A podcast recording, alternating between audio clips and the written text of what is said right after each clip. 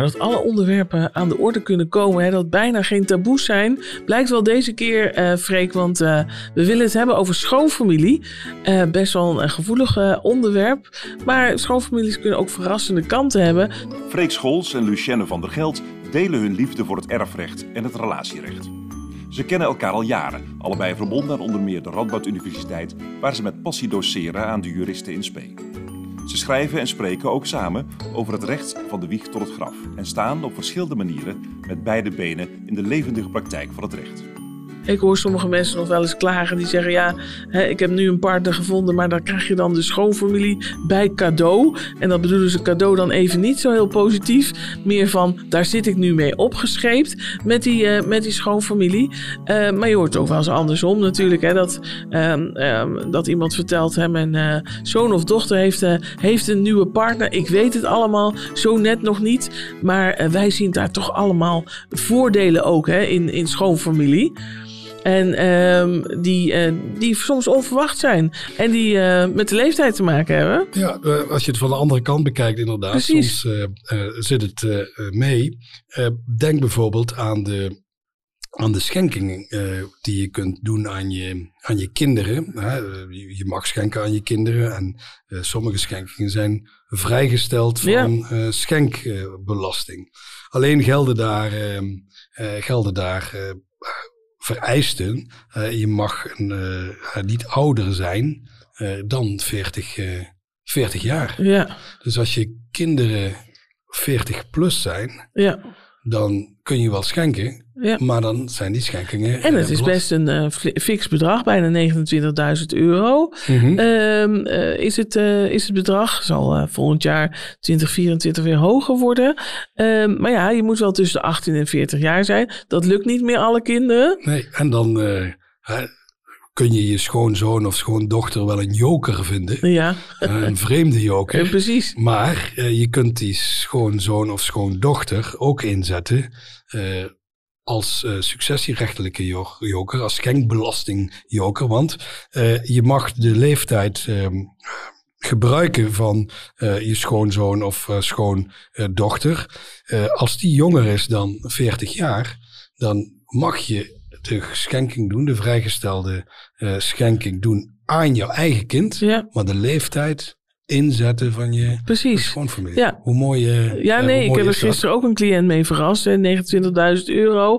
Eén uh, keer kun je dat doen, helemaal belastingvrij. Uh, die meneer was heel geïnteresseerd in het besparen van, van belasting. En ik zeg, u heeft vast geweldige schoondochters. Ja, dat klopt. Dit. Ik zeg, maar ik wil toch graag eerst hun leeftijd weten. En ja, je ziet wie daar heel verstandig in is. Patricia Pai. Patricia Pai? Ja, die is hier dus heel verstandig in. Die trouwt altijd met, nou altijd, volgens mij weet ik van twee huwelijken. Hè, maar die is twee keer met een jongere man getrouwd. Hè. Eerst met Adam Curry. En die, die, is, die was jonger dan zij is. En nu, ehm, ja, op een bepaald moment als je ouder wordt, moet je wel met zwaarder geschut komen. In haar geval wil je nog een echtgenoot hebben onder de 40. Dus zij heeft nu een echtgenoot die 39 jaar jonger is. Kijk, Hij is gelijk, nog... gelijk heeft ze, hè? Ja, precies. Robert die is onder, onder de 40. Dus zij kan nog allerlei schenkingen krijgen. ik weet niet of, of haar ouders Oh, nog, nee. nog leven. dus het is dit jaar en dat vervalt na dit jaar. Hè, dat je ook nog dat bedrag um, van 28 bij 29.000 euro geschonken kunt krijgen van, van ooms, tantes en anderen.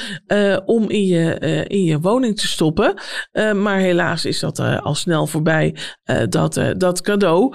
dus vanaf 2024 geldt, je kunt alleen die grote schenking nog krijgen van, van je ouders. maar dan is er wel een ander voordeel. Je hoeft het dan niet per se in een woning te stoppen. Hè. Je kunt er ook wat, wat anders mee, mee doen. we hebben het nu over een huwelijk, Patricia. is Patricia getrouwd? Die, of die is getrouwd, ja, ja precies. maar vaak zien ouders graag dat hun kind trouwt. Maar als het daar niet van gekomen is, dan is er nog steeds niet zoveel aan de hand. Nee, nee. Dan kun je nog gebruik maken van uh, de, de, de, informele partnerregeling. De, de, de partnerregeling in de, in de erfbelasting. samenwonen mag ook. je moet dan wel een samenlevingscontract ja. hebben.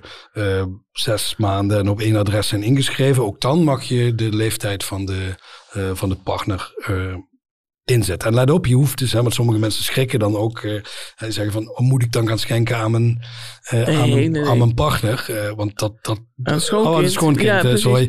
dat dat nee. is niet, niet nodig. We komen daar nog wel een keer op, op terug, denk ik. Hè. Dat, het is alleen maar echt het, het, lenen, het profiteren van, van de leeftijd van die jongere schoonkind. En dat, dat maakt deze regeling denk ik heel erg ja. interessant. Dus onthouden, na 40 ben je over de datum. De dag van de verjaardag, dat is natuurlijk een mooie dag om een cadeau nog uit te reiken. ja. uit te reiken.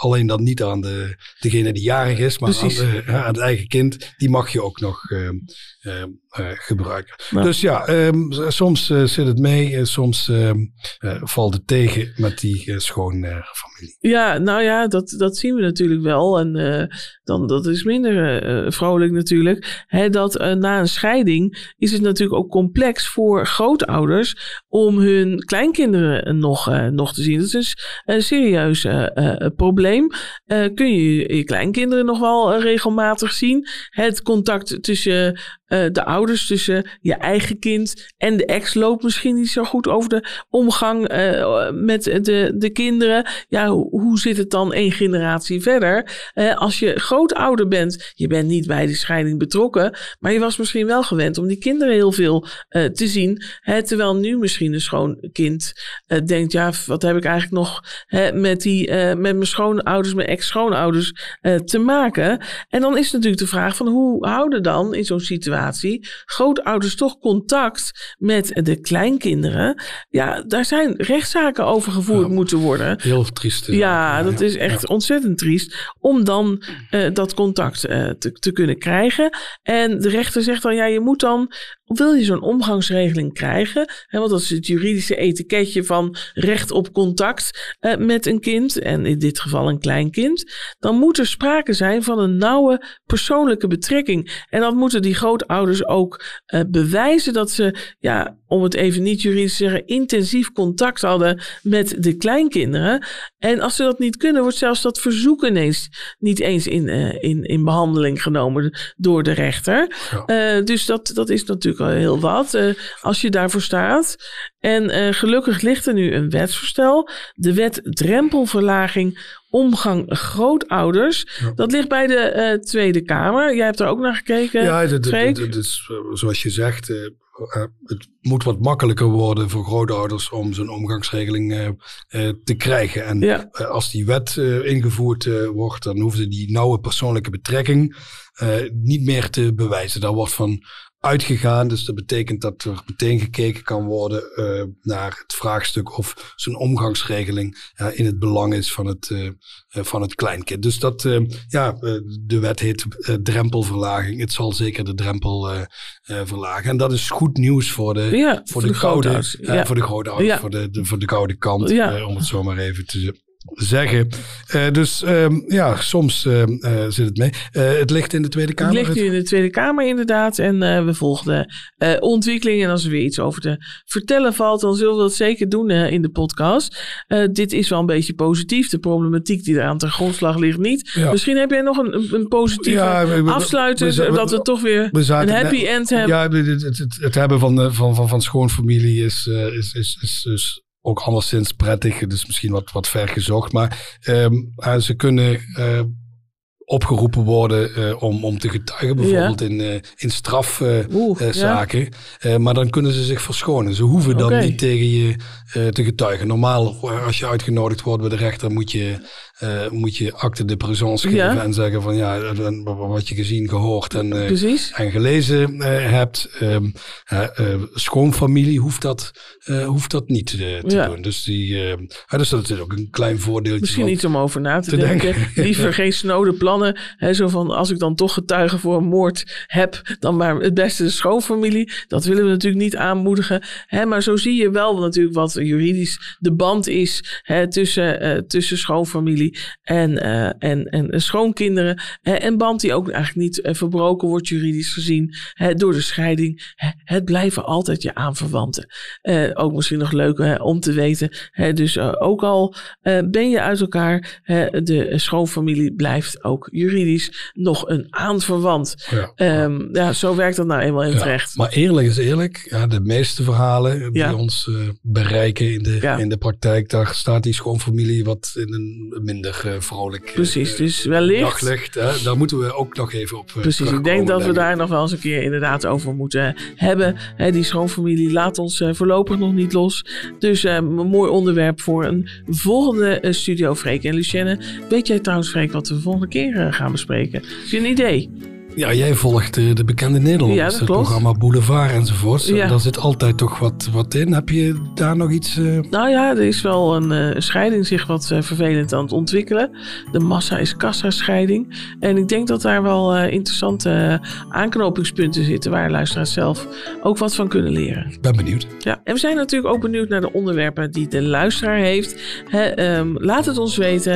Um, we zijn op meerdere manieren te vinden, maar bijvoorbeeld via e-mail studio Freek en Lucienne gmail.com. We horen graag wat jij voor vragen hebt of interessante onderwerpen waarover wij ons uh, juridische licht kunnen laten schijnen. Bedankt voor het luisteren en tot de volgende keer.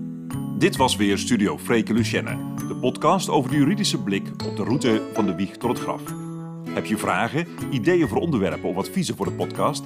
Mail dan naar studiofreekenlucienne.gmail.com. Dankjewel voor het luisteren. Tot volgende keer.